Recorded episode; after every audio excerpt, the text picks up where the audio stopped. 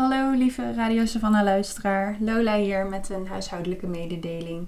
De aflevering waar jullie zo naar gaan luisteren is opgenomen voor de persconferentie van afgelopen maandag. Wat betekent dat wij het in de aflevering onder andere hebben over snuffelen in de winkel, even langskomen en uh, andere dingen die we nu helaas niet meer kunnen doen. Dus neem het, als we het daarover hebben, allemaal even met een korreltje zout. Wel wil ik jullie er allemaal op wijzen dat de webshop van Savannah Bay gewoon open is voor al je kerstcadeautjes, boeken, aanraders en andere leuke dingen. Uh, gebruik die ook vooral. Binnen Utrecht worden alle bestellingen gratis bezorgd door een van onze fietscouriers die meerdere dagen per dag uitrijden. Um, de winkel kan alle steun heel erg gebruiken. Dus als het voor jou niet mogelijk is om een boek te kopen of op een andere manier een financiële bijdrage te leveren, dan is delen, shout-outen naar deze podcast luisteren ook al heel erg fijn. Hou voor alles wat er gebeurt rondom de campagne Light a Fire Share Story en alle andere dingen in de winkel. De socials en onze website heel goed in de gaten. En dan uh, zien we je hopelijk in betere tijden weer in real life. Veel plezier met deze aflevering en tot snel! Thank you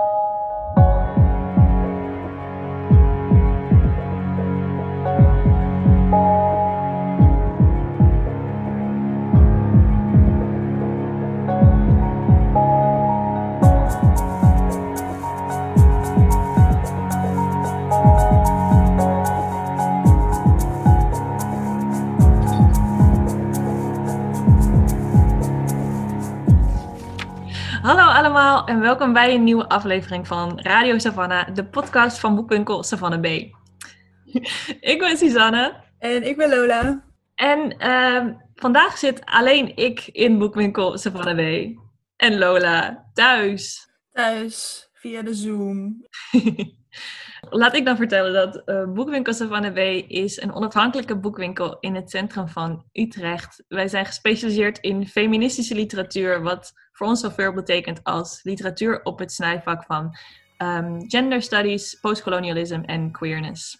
Yes, we maken deze podcast voor de leuk, vooral. En ook omdat we uh, het altijd heel leuk vinden om met mensen in de winkel te praten over boeken die we vet vinden en boeken uh, onder de aandacht te brengen, waarvan wij vinden dat ze die aandacht enorm dik vet verdienen.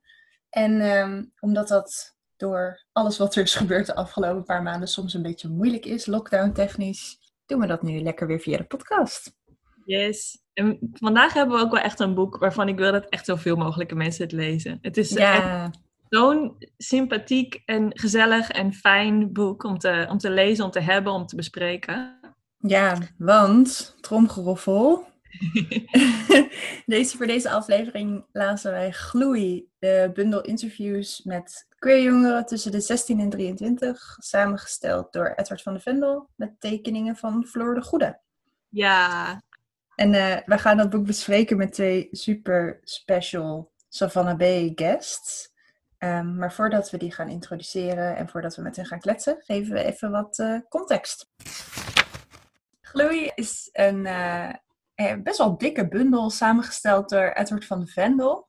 Mhm. En uh, Edward van de Vendel is een Nederlandse schrijver en vertaler van jeugdboeken. Hij schrijft ontzettend veel. Ja. Leeft vijf levens volgens mij tegelijk. En hij is, kan ja, waarschijnlijk wel een van Slans bekendste kinderboeken mensen. Mm maar je kunt hem kennen van onder andere Super Guppy, boeken over Sophie. En hij schreef het kinderboekenweekgeschenk in 2005. Wat, wat ik in elk geval nog wel gehad moet hebben destijds. um, en zijn werk is overladen met zilveren griffels, gouden griffels, kinderjuries en allerlei andere prijzen. Dit boek maakte hij met Floor de Goede, een Nederlandse striptekenaar die lang een dagelijkse strip had en die online publiceerde. En al eerder met Edward van de Vendel heeft samengewerkt in allerlei andere uh, publicaties. Uh, dit boek Gloei is een van de kick-off boeken van uh, een reeks boeken uitgegeven bij Querido. En wat allemaal valt onder het initiatief Querido Glow, wat ook aangezwengeld is door Edward van de Vendel. En het doel van Querido Glow is eigenlijk om queerboeken voor young adults te publiceren en uh, in, de, in de spotlight te zetten. En deze bundel is daar een van de startschoten van. En Edward van de Vendel heeft dus 20 jongeren tussen de 16 en de 23 jaar geïnterviewd en uh, hun verhalen verzameld in dit boek. Uh, en dat, die verhalen gecombineerd met een tekening van, een illustratie van Floor de Goede en een gedicht geschreven door Edward van de Vendel zelf. Op basis van het verhaal en het gesprek wat ze hebben gehad. Ja, klopt. Ja, dus dit boek is zeg maar het startschot van een nieuwe reeks. Allemaal um, queer young adult boeken die uitgegeven gaan worden bij Querido. En het eerste wat dan opvalt inderdaad, is dat er ja, die behoefte wordt gezien en wordt erkend. En daaraan, ja, en dat dit een soort beantwoording is van die behoefte.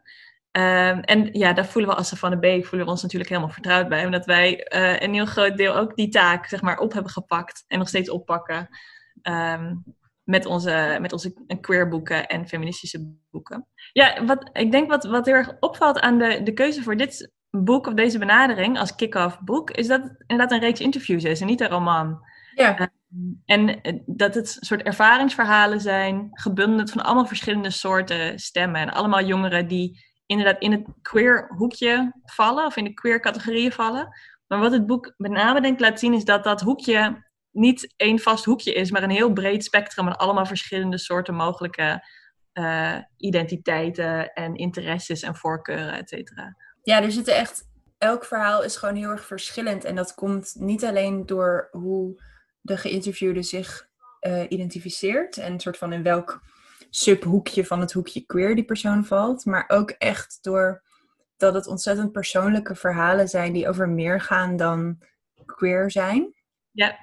Uh, en dat vond ik echt een van de meest opvallende en ook een, een van de mooiste dingen van dit boek. Dat het, het, het gevaar ligt op de loer, denk ik, bij zo'n soort aanpak. Dat je bij iedereen hele heftige gesprekken gaat voeren over: Goh, hoe was jouw coming out en hoe, wat, wat betekent queer zijn voor jou?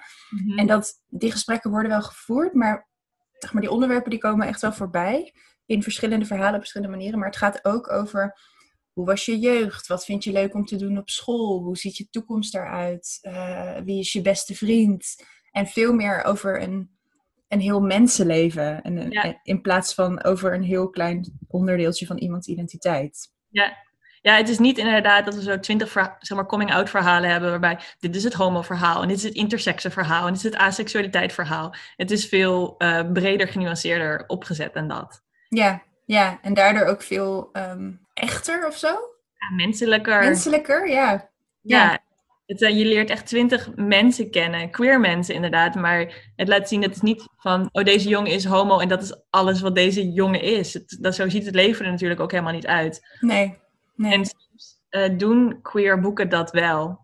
Uh, ik denk met name wat oudere queer boeken, waar het heel vaak de, de coming out centraal staat en dan echt als een probleemboek gepresenteerd. Zeg maar als je jaren 70, 80, 90 homoboeken kijkt uh, en lesbische boeken kijkt, dan eindigt het ook vaak heel slecht. Dat het uiteindelijk ook de, de, de geliefden niet samenkomen. Soms heel vaak ook eindigen in, in sterfgevallen of in allemaal hele lastige, uh, pijnlijke situaties.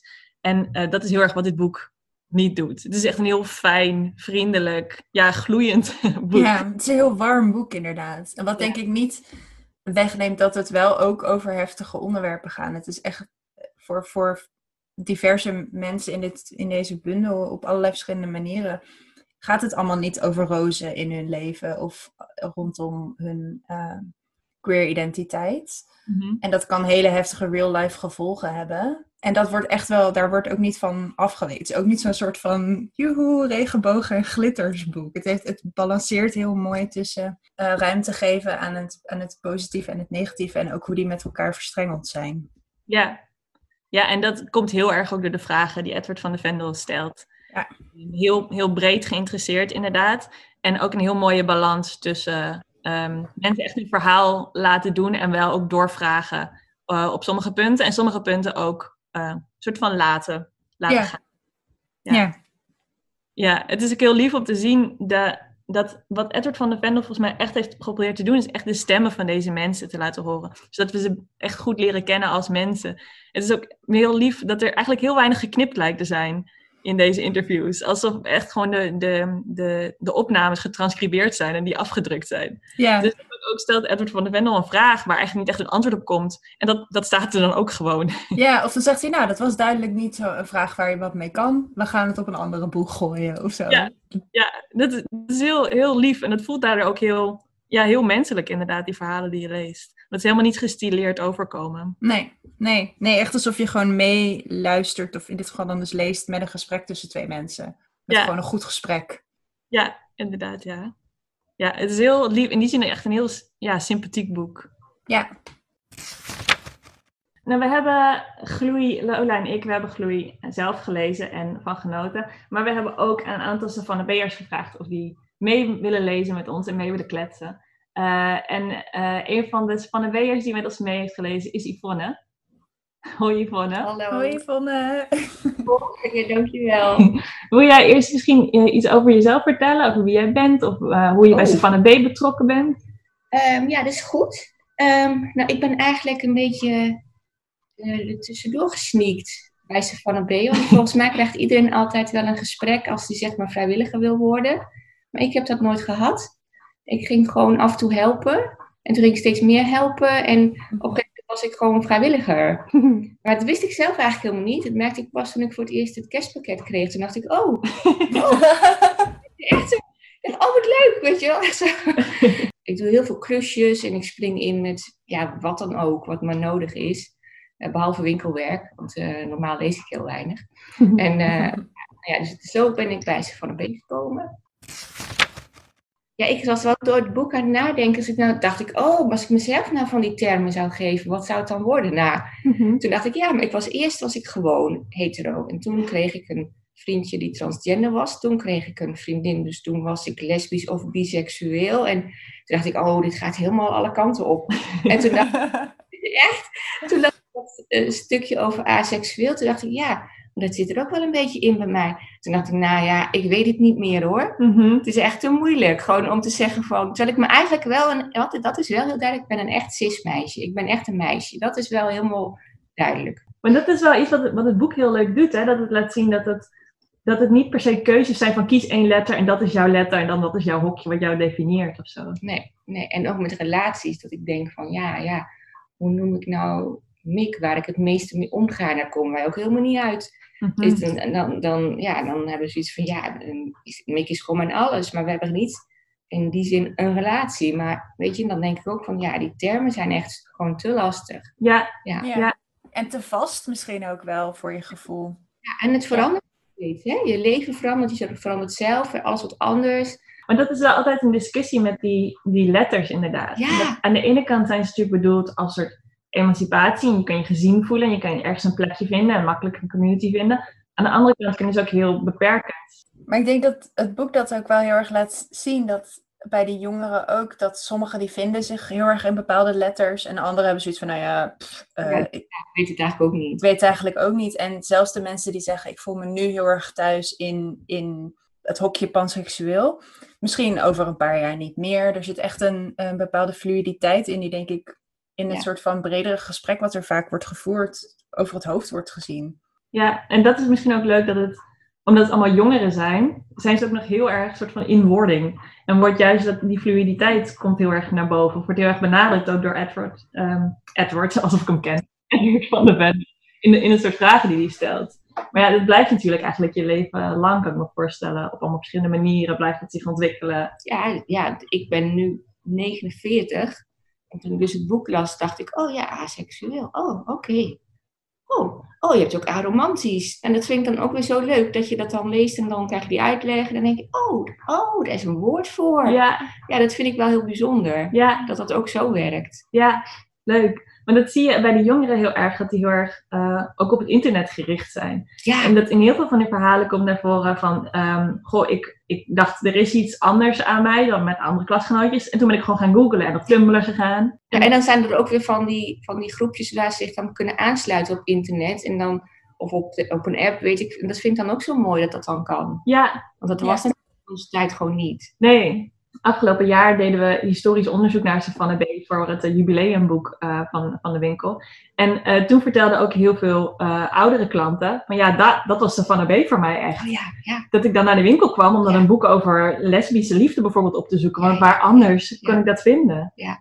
Ik vond het ook wel mooi om te zien eh, dat bij een aantal van de jongeren, ik ben nu 27 en de, de oudste jongeren in dit boek zijn 23, dus dat scheelt eigenlijk helemaal niet heel veel.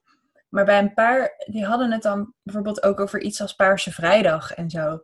En, en een, eh, eh, de Gay Straight Alliance op hun school en dat soort, dat soort clubjes die zich dan ontwikkelen. En dat ik denk, nou, ik voel me helemaal niet heel oud. En op heel veel manieren zit ik echt nog wel in een vergelijkbare fase als deze jongen. Maar in mijn tijd hadden we dat echt nog niet. En maar daar viel het me heel erg op. Bij dat, bij een soort van de, de, de casualness bijna waarmee die, die jongeren, een aantal van de jongeren in dit boek daarover vertelden. Dat ik dacht van, oh, dat is dus ook echt heel snel gegaan. Grotendeels door het internet.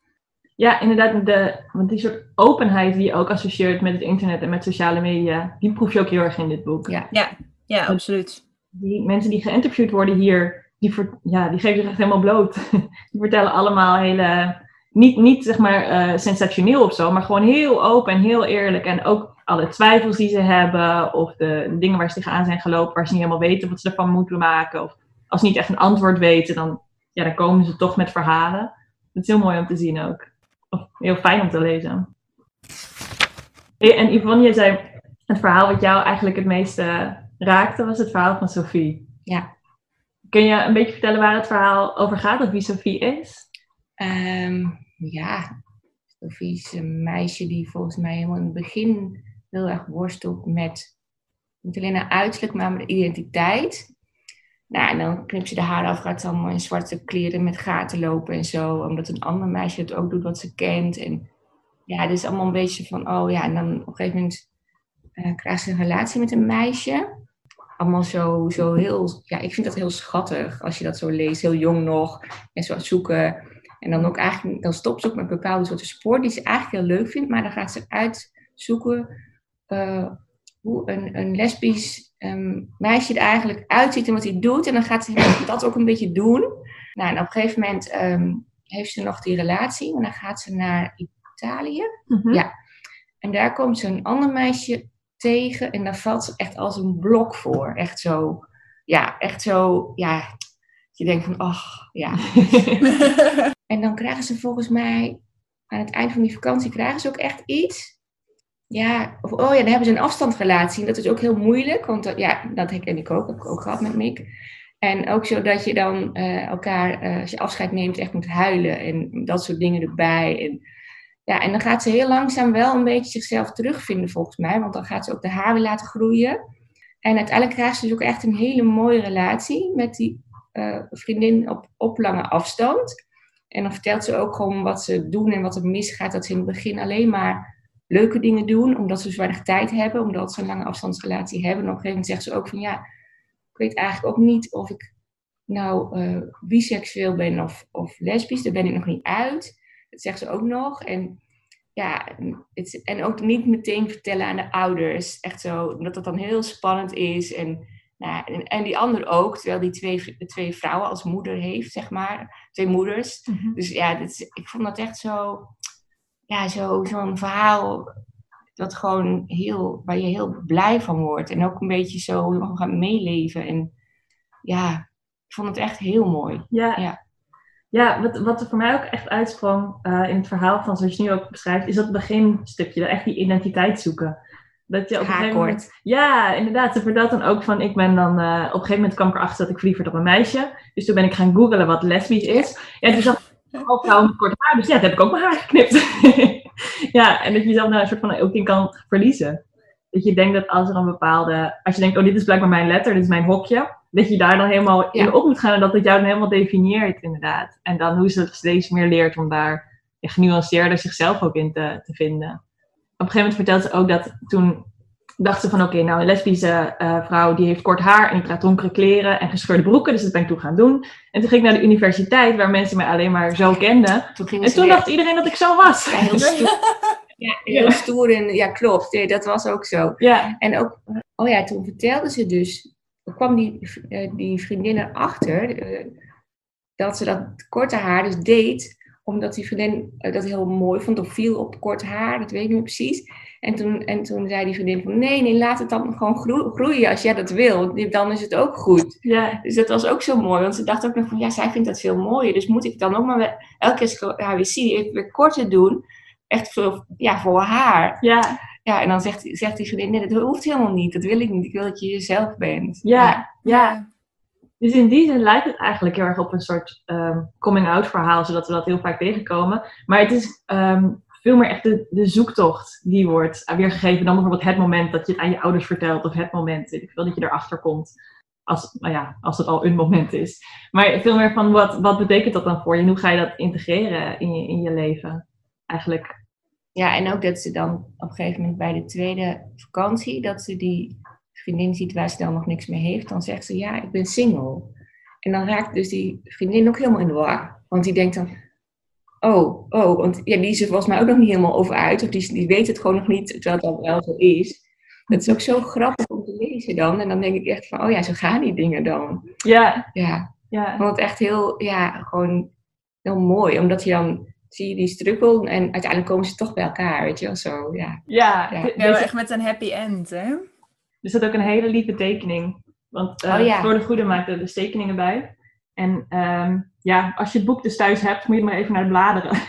Want er zit een heel lieve tekening bij van de twee uh, vriendinnen die elkaar uh, in de armen springen. De, die afbeelding die zet dus ook al een beetje de toon zeg maar, van het verhaal. Maar daarvoor zit ook nog een, een gedicht. Ja. Um, die Edward van de Vendel steeds schreef uh, bij de verhalen. Ik dacht, misschien lees ik die even voor, want daar komt ook juist precies inderdaad dat lichamelijke, uh, die soort van spanning komt naar voren. Dus dit gedicht heet De Nacht van de Vallende Sterren. Onze broertjes plonsten in het vakantiehuis zwembadje, vier meter van ons vandaan. Onze gesprekken gonsten. We lagen op de lichtstoelen die aan de tuinrand staan. En er was dat donzige donder dat ik onder mijn kippenvel voelde. Ik bedoel, Toscane, Italië, berghellingsterren en die stevige kaas van een maan. Er komen straks everzwijnen aan, zei jij. Wat? zei ik. Ja, zei jij. Die verschijnen hier vaak in de nacht. Ben je bang? Wat? zei ik. Ik hield er de hele avond lang mijn linkerpink in bedwang, want die werd gek. Jouw rechterpink lag bijna op dezelfde plek. Er zaten millimeters tussen. Onze pinken willen elkaar kussen, dacht ik, hoopte ik, vreesde ik tegelijk. Kijk, zei jij, meteorietenregen. Evie hield mijn gepieker tegen. Ik staarde omhoog, maar mijn linkeroog wilde jouw rechteroog zoenen. Mijn linkermondhoek, linker elleboog, linkerwang, linkerdij. En toen, terwijl wij al dat tuimelende puin uit de ruimte zagen doven, werden onze stoelen opeens door onze broertjes dichter bij elkaar geschoven. Hoorde ik opeens hoe de zwijnen deze woorden snoven. Geloof dit maar. En strooide de maan opeens gouden pecorino in jouw haar. En was dit allemaal niet waar? En toch wel. La notte delle stelle cadenti. Nu al twee jaar. Ik heb het zo lief gedaan. Het, inderdaad een heel mooi, pakt de thema's op uit het verhaal van Sophie. En tegelijkertijd zit een beetje zo de, de, ja, de toon ook van het verhaal dat je gaat lezen. Ja, en ook van die pinken naast elkaar. Dus Ja. ook- er was nog zo'n ander moment in het verhaal dat ze ook hoopte dat, oh ja, dat ze bij haar op het matras kwam liggen. Maar dat deed ze ook niet. Dus ze hebben echt een paar keer zo'n zo'n moment gehad dat je dan hoopt dat er iets gebeurt en dan gebeurt het niet. Ja, En dat je denkt van, oh jee. Dan zou ik dan ook denken van, nou ja, misschien vindt ze hem dan wel niet leuk. Weet Ja. je wel zo. Ja, dat is echt zo, ja, heel, ja, gewoon heel mooi. ik. ja. ja, echt een heel mooi, echt gewoon een liefdesverhaal inderdaad. Ja, ja. Ja, Wat was het aan het verhaal van Querijn, wat ook het openingsverhaal van de, van de bundel is, wat jou zo aansprak? Hij is zo blij. Echt zo. Dat je, hij krijgt reuma. Nou, dat is natuurlijk hartstikke shit.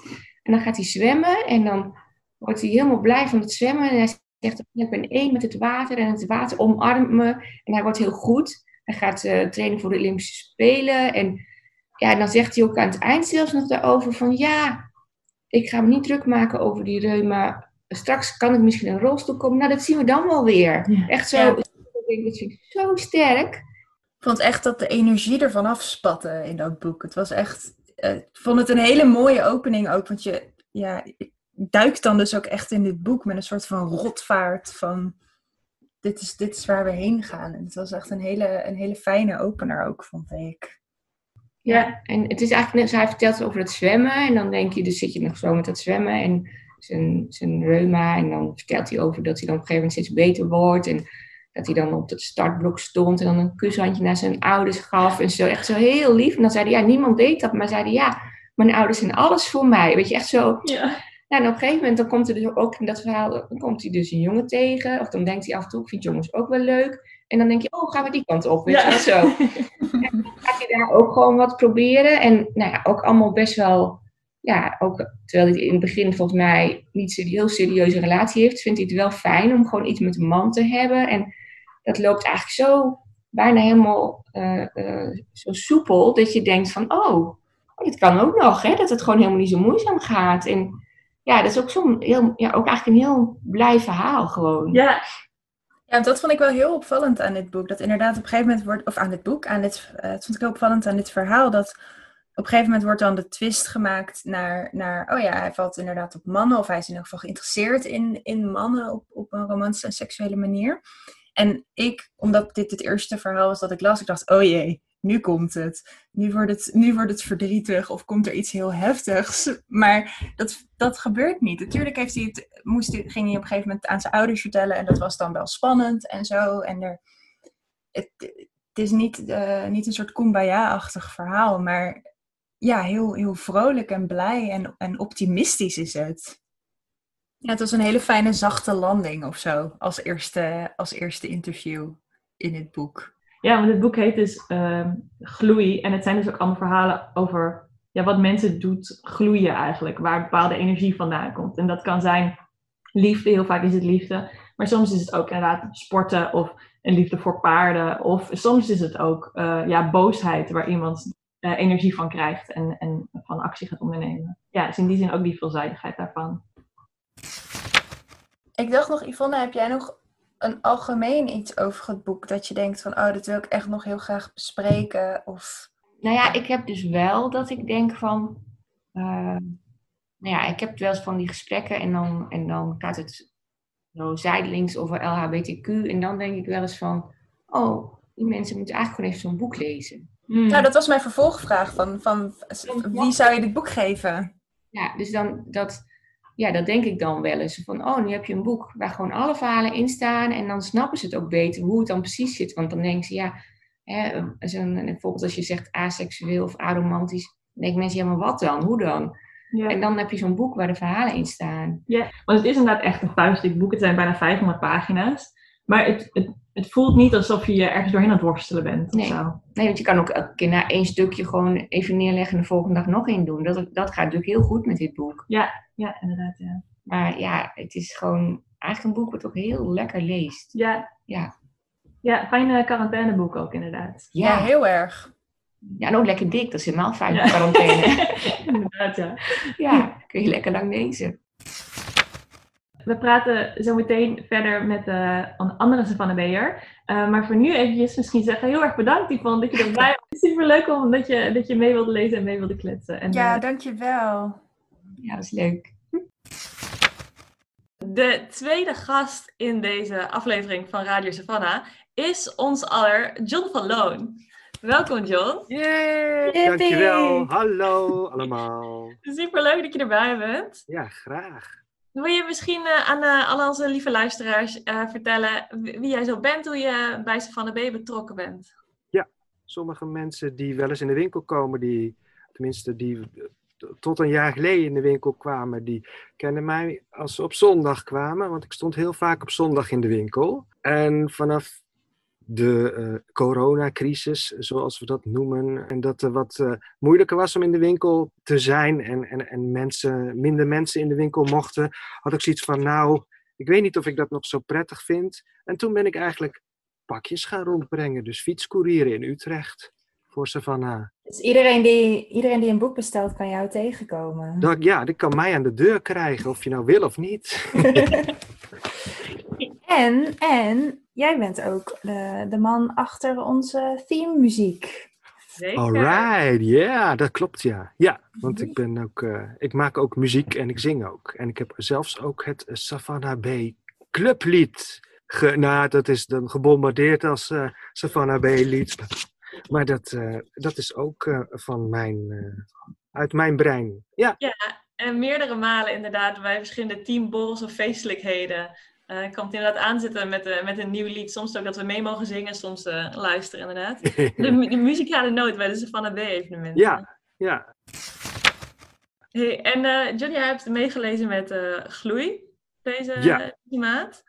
En uh, wat ik grappig vond, misschien om even te openen. We hadden het er net even over in, van tevoren. hoe je dit boek leest. Omdat het natuurlijk een verzameling is van allemaal verschillende verhalen. Van allemaal verschillende mensen. En Lola en ik zijn gewoon netjes van voor naar achter begonnen met lezen. Maar jij zei van ik ben eigenlijk ook een beetje gaan bladeren. En kijken wat me aanspreekt. Ik ben wel ook vooraan begonnen met uh, het eerste interview of het eerste verhaal. Uh, en het eerste gedicht van uh, de zwemmer. Maar uh, daarna had ik zoiets van, nou, ik ga gewoon lukraak kijken uh, qua naam of qua kleur. Uh, aan de zijkant zie je ook allemaal kleurtjes, als een soort enorme regenboog. En dan kan je ook denken van, nou, dit is zwart. Waar gaat dit over? Oh, dit is een verhaal over een, Syrische jongen. Oh, dat lijkt me interessant. Ik dus ben heel erg, ben heel gewoon springerig er doorheen gegaan. Zo van, nou, dit lijkt me leuk. Oh, deze is even lezen. Het is, het is ook heel makkelijk om gewoon even in het terrein bijvoorbeeld, om even één of twee interviews te lezen en dan mee te maken en meegesleept te worden door uh, het levensverhaal van een jong iemand. Ik heb dan een verhaal gelezen van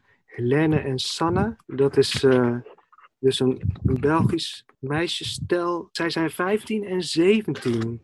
En dat voelt heel erg pril aan. Ze hebben elkaar ook via Instagram leren kennen en zo. Zo van, oh, ik, uh, ik zag dat uh, die een vriendin had. En ik dacht, oh, ik vind jou leuk. Dus ik stuur je gewoon een berichtje. En toen ging het uit met die vriendin. En toen, ging de, uh, toen stuurde je een berichtje terug. En en toen uh, zijn we elkaar gaan opzoeken en uh, nou, dat klikte wel. En uh, jij houdt van paarden en ik hou ook wel van paarden. Niet zoveel als jij, maar ja, zo, zo, zo staat het er ook in. En, en, maar dan vertellen ze over hun relatie van ja, dit is echt zo de ware en ik wil voor altijd bij haar blijven. En dan denk je, oh, ze is 15 en, en haar vriendinnetje is 17. En dan, dan ga je eerst denken van ja weten zij nou veel? Zo jong nog.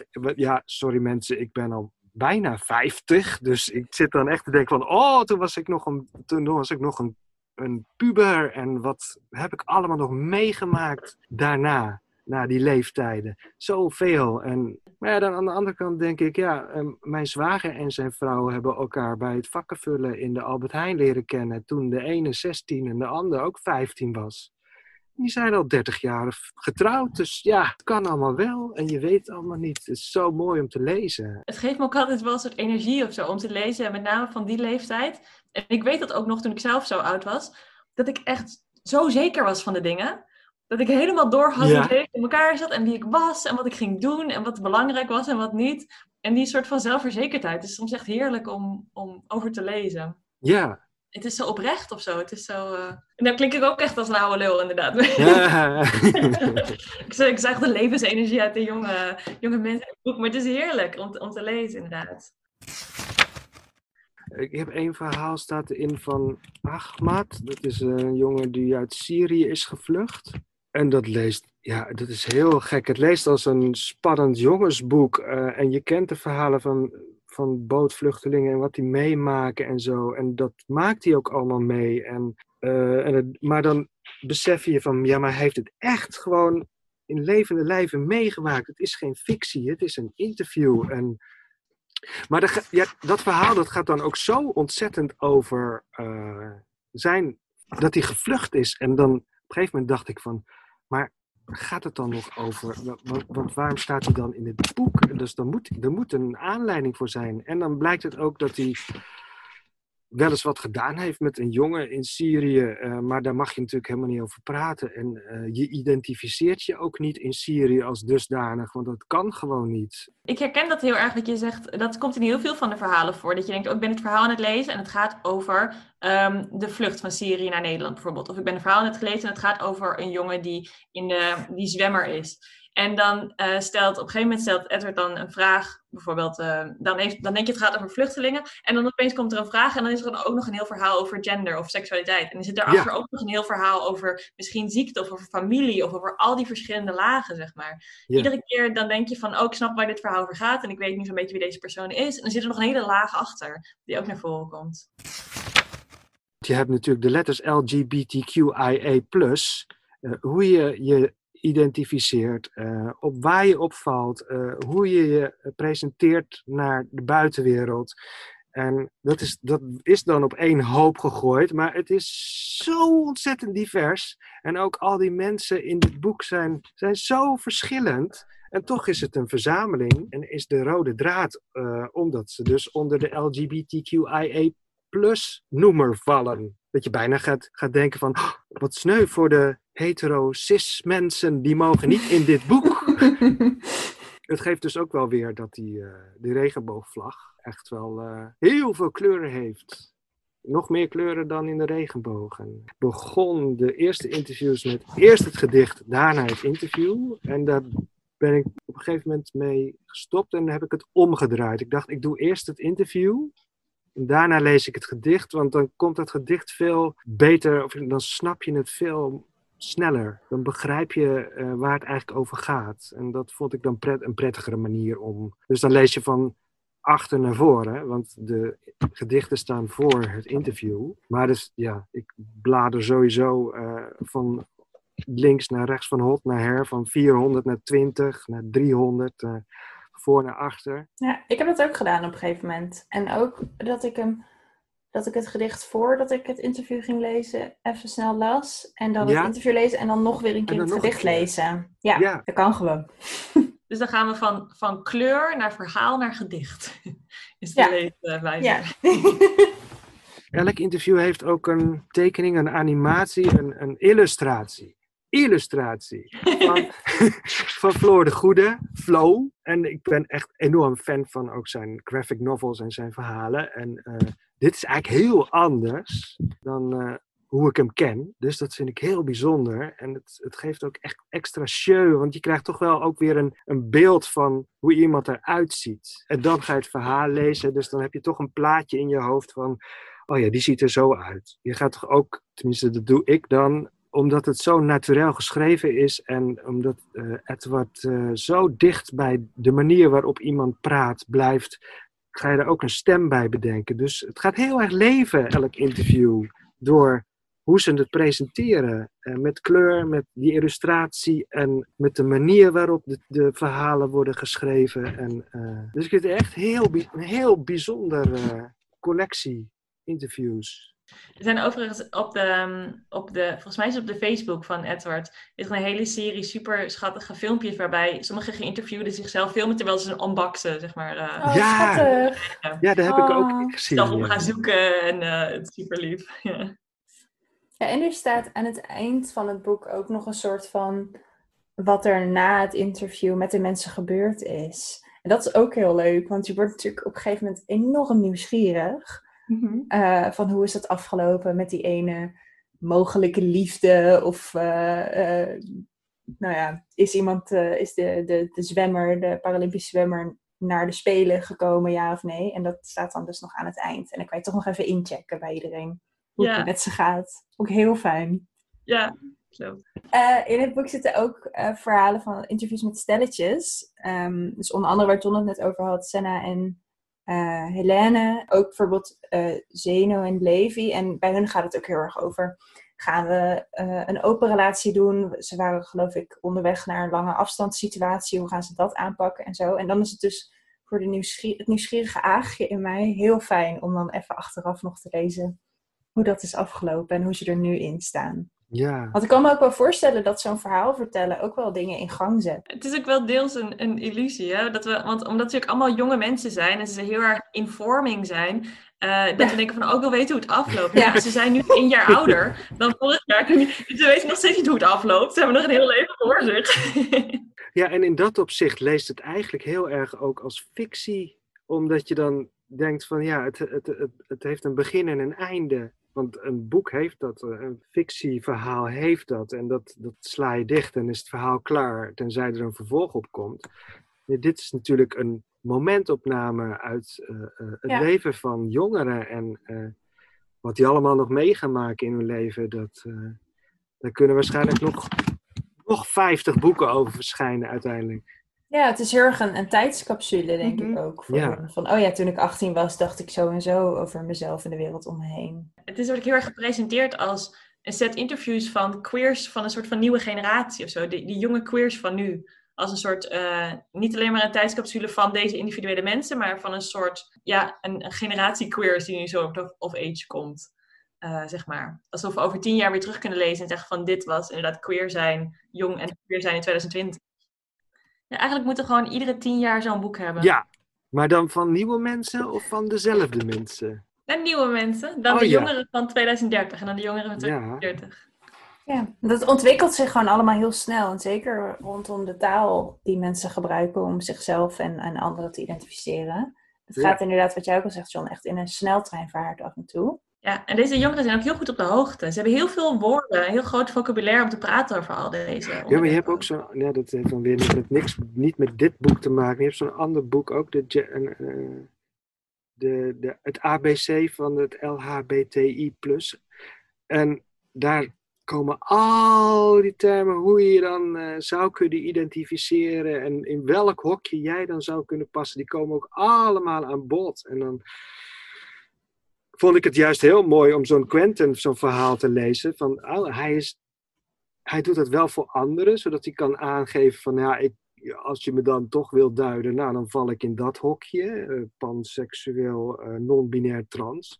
Maar hem maakt het eigenlijk helemaal niet uit, want hij is gewoon van ja, ik ben gewoon ik. En eh, hoe andere mensen mij zien, interesseert mij niet.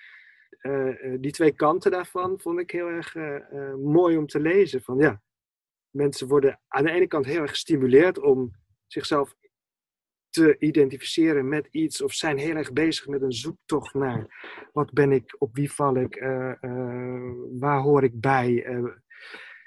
en dat het hem niet uitmaakt. En zo van ja, dat is ook wel een prachtige manier om het leven te staan. Gewoon, ik ben gewoon ik. En maakt me niet uit in welk hokje ik val. En als het je niet bevalt, nou dan niet toch? Dan, dan, dan loop je maar door. Dus zo van, oh, wat een, wat een geweldige manier om in het leven te staan. Had je een favoriet, John, van wat je tot nu toe hebt gelezen? Nee, het smaakt eigenlijk naar meer. Dat ik denk, oh, ik wil die andere verhalen ook eh, weer. oh, ik wil die andere verhalen ook gaan lezen. En eh, ik ben sowieso iemand met een eh, korte concentratiespannen, of hoe noem je dat? dus eh, voor mij is het heel prettig dat het eh, interviews zijn, eh, stukken die ik dan kan lezen en dat ik het weer weg kan leggen. En dan morgen weer een nieuw interview of twee interviews. ja, en ehm, ik had geen, nee, geen favoriet. Nee, daar is het ook allemaal te divers voor. Ja, hè? Ja. Ja. Mm. Ja, dan heb wat wij altijd in de podcast doen aan het eind, is vragen aan wie je dit boek aan zou raden. Eh, stel je staat in de winkel of gewoon je hebt het er met mensen over. Wie zou dan, wie moet dit boek lezen? Jeetje, wat een rotvraag! Elke aflevering doen wij dit, hè? Het Zo'n moeilijke vraag. Ja, Ja. Iedereen die, er- die er nieuwsgierig naar is. En dat kan, dat is, kan ook heel divers zijn. Dus, dus jongeren zelf die eh, er wat meer over willen weten. Of die gewoon geïnteresseerd zijn in andere mensen. Maar ook mensen die in het onderwijs zitten, denk ik. eh, zo van, kijk wat voor verschillende soorten belevingswerelden er allemaal zijn bij jongeren. eh. en ouders die thuis met een, eh, een kleurrijk eh, kind zitten. Maar ook ouders die denken van... Wat is er eigenlijk allemaal? Ja, eigenlijk best wel veel mensen. Iemand die Savannah B binnenstapt, die kan ik sowieso dit boek aanraden. Want anders, ja, denk ik, dan kom je Savannah B niet binnen. Ja, het is, ik zou het niet nou dat is wel heel, ik zou het niet aanraden aan iemand die op vakantie gaat naar het buitenland, want het is een ontzettend dik, zwaar Ja. boek. Ja, dus je wilt ik het heb- niet in je backpack hebben als Nee, je het is, 20 nee, kilo dit- mag meenemen. is- als er een dwarsligger van komt, dan ben ik de eerste. John, mogen we dan eh, even zeggen, heel heel hartelijk bedankt dat je, er, eh, dat je Ja. erbij was, dat je mee hebt gelezen. Mee hebt Ja, wat leuk. Ja, heel graag gedaan. Dit is alweer het einde van deze aflevering van Radio Savannah. Als je het leuk vond, dan uh, kun je een recensie achterlaten hier in de podcast-app. En als je denkt, ik wil meelezen met alle boeken die gelezen worden voor de podcast en besproken worden, dan kan dat. Dat kunnen wij gewoon voor je regelen. Uh, de boeken zijn allemaal te koop bestellen uh, via Savannah B. En als je dat, dat al te veel moeite vindt, dan kan je ook nog een abonnement nemen op Savannah Surprise. En dan krijg je elke maand een boek in de brievenbus. En dat is dan een boek wat wij ook bespreken. Als je het boek uh, nou, hebt gelezen en je hebt er allemaal ideeën over en je wil met ons meekletsen, dan vinden we het superleuk als je uh, dat ons laat weten via de socials, Savannah B op alle platforms. Als je dan hashtag Radio Savannah gebruikt, dan krijgen we dat direct in onze, in onze box uh, te zien. Yes. Nogmaals, hele grote dank ook voor Yvonne en John. En voor Rieke Blom voor de afbeelding bij de podcast. En dan dus nog een keer aan John voor de muziek. Ja, John aka Gooflux in dit geval. Precies. Dus we, jullie horen ons uh, snel weer. Dan. Tot dan.